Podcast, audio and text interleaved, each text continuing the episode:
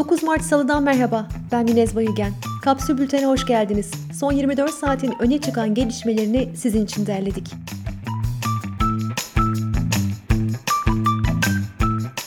Ekmek ve Gül'ün 22 ilde 23 farklı iş kolunda ücretli çalışan 680 kadınla yaptığı araştırmaya göre %79 pandemide kadınlara şiddetin arttığını söylüyor.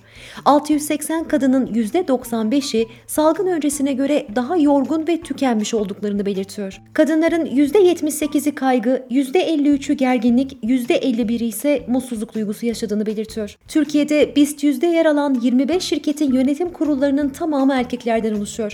Ayrıca Türkiye Türkiye'deki verilere göre erkek çalışanın 100 lira ücret aldığı bir işten kadın çalışan 84 lira alıyor. Türkiye'deki toplam öğretim elemanlarının %44,5'u, profesörlerin %32'si kadın. Son 3 genel seçimde kadın adayların oranı %30'un altında. Avukatların %44'ü, savcıların %13'ü kadın. 62 yaşındaki usta oyuncu Rasim Öztekin geçirdiği kalp krizinin ardından tedavi gördüğü hastanede hayatını kaybetti. 8 Mart Dünya Kadınlar Günü için Türkiye'nin 19 ilinde yürüyüş yapıldı. Basın açıklamasında şöyle dendi. Cinsiyetçi ve aşağılayıcı muameleye, nefrete, homofobik ve transfobik saldırılara, toplumsal cinsiyetten korkan, LGBT yoktur diyenlere karşı feminist isyan her yerde. Diyarbakır'da 2009'da havan mermisiyle hayatını kaybeden 12 yaşındaki Ceylan Önkol'un ölümüyle ilgili açılan davada İçişleri Bakanlığı %90 kusurlu bulundu.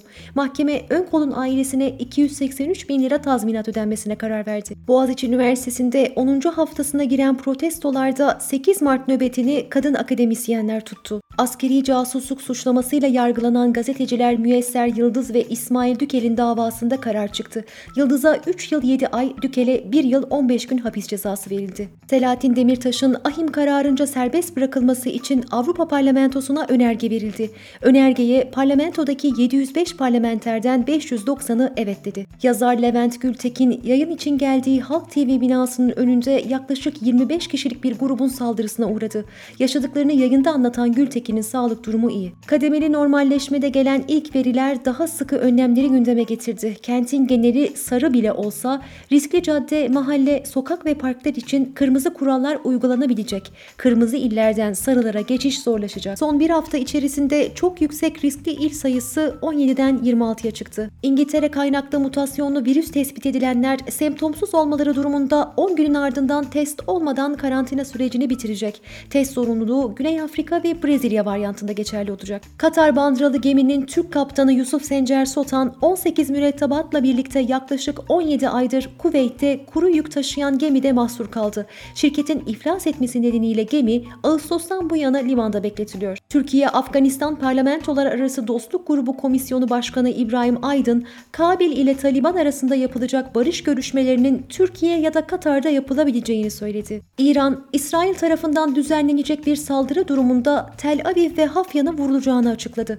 İsrail Savunma Bakanı Gantz, İran'ın nükleer tesislerini vurmaya yönelik planlarını güncellediğini söylemişti. Suriye Devlet Başkanı Beşar Esad ve eşi Esma Esad'ın Covid-19 testi pozitif çıktı. Eşi Prens Harry ile kraliyet unvanlarından vazgeçen Meghan Markle, oğluna ten renginin koyu olacağı endişesiyle prens ünvanının verilmediğini söyledi. Türkiye'nin kredi risk primi, artan ABD hazine tahvili faizleri ve yükselen dolar TL ile birlikte 2021'in zirvesine ulaştı. Şubat ayından bu yana en çok değer kaybeden gelişen ülke para birimi %5.8 ile Türk lirası, ikinci sırada da 5.1 ile Meksika pesosu yer aldı. Borsa İstanbul AŞ Genel Müdürü Hakan Atilla istifa etti. CHP'li 11 Büyükşehir Belediyesi'nin askıda fatura kampanyasında 460 bin fatura için 44 milyon lira ödendi. Borcu olan 1 milyon 173 bin abonenin suyu kesilmedi. Belediyelere ait iş yerlerinin 15 bin 251 adet kira ücreti ertelendi. Zonguldak'ta kısa bir süre önce ekmek fiyatını 2 liraya çıkaran zam askıya alındı. Valilik zammın çekilmesi için dava açmıştı. Devlet Hava Meydanları İşletmesi'nin istatistiklerine göre havalimanını kullanan yolcu sayısı geçen yılın Şubat ayına kıyasla %56 azaldı. Havalimanı işletmelerinin geçen yıla ait kira bedelleri iptal edilmiş, 2022 yılına kadar da %50 indirim yapılmıştı. Vergi hukuku uzmanı Doktor Serkan Ağar, karşılıksız çekte dosya sayısının 250 bini bulduğunu söyledi.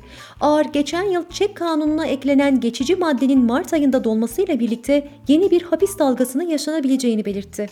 Çeki karşılıksız çıkanlara 3 yıl, birden fazla çektense toplam 5 yıla kadar hapis cezası veriliyor. Çin menşeli telefon markası Oppo Tuzla'da fabrika açtı. Sanayi Bakanı Varank bin kişinin istihdam edileceğini açıkladı. Günün sözüyle kapatıyoruz. AKP sözcüsü Ömer Çelik 8 Mart Dünya Kadınlar Günü'nü kutladı.